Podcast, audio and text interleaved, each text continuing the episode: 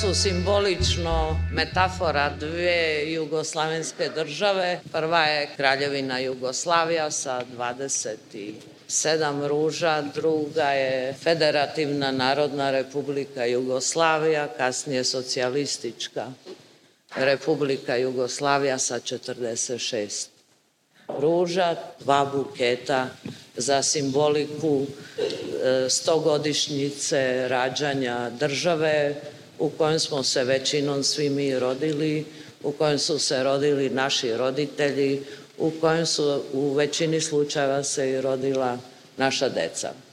Ova knjiga nije istorija Jugoslavije. Ovo je istorija intelektualaca s tim što je ograničena na srpske intelektualce.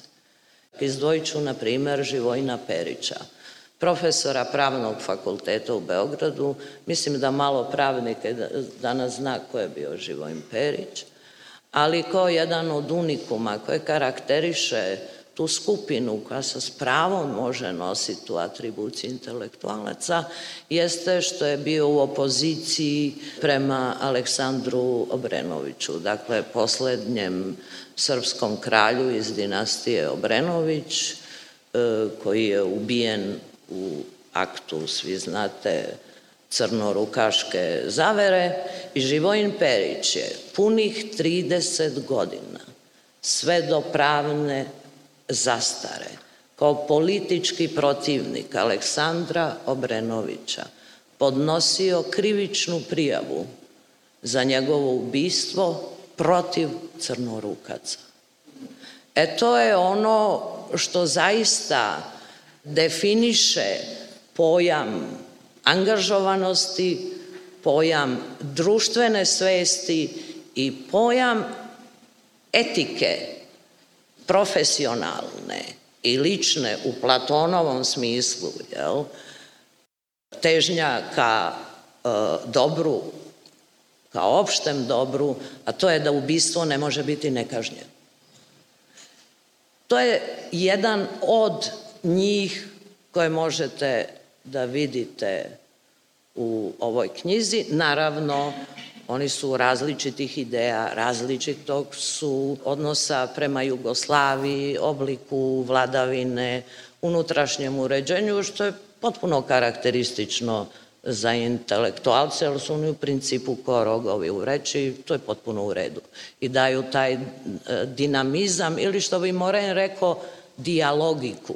Cela evropska civilizacija kojoj mi pripadamo je nastala na toj dijalogici, na neprestanoj kritici Europe same.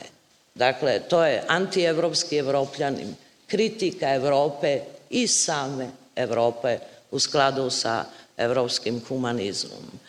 Ali evo jednog od njih ću da citiram prosto zato što mislim da je on na pravi način sublimisao ono što je Jugoslavija u svoj suštini bila kao projekt.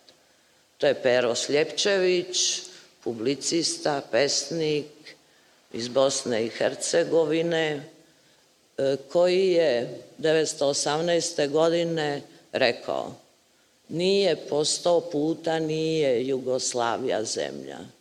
I sutra kada državne granice opašu sve naše pokrajine, onaj ideal koji će tek trebati stvarati.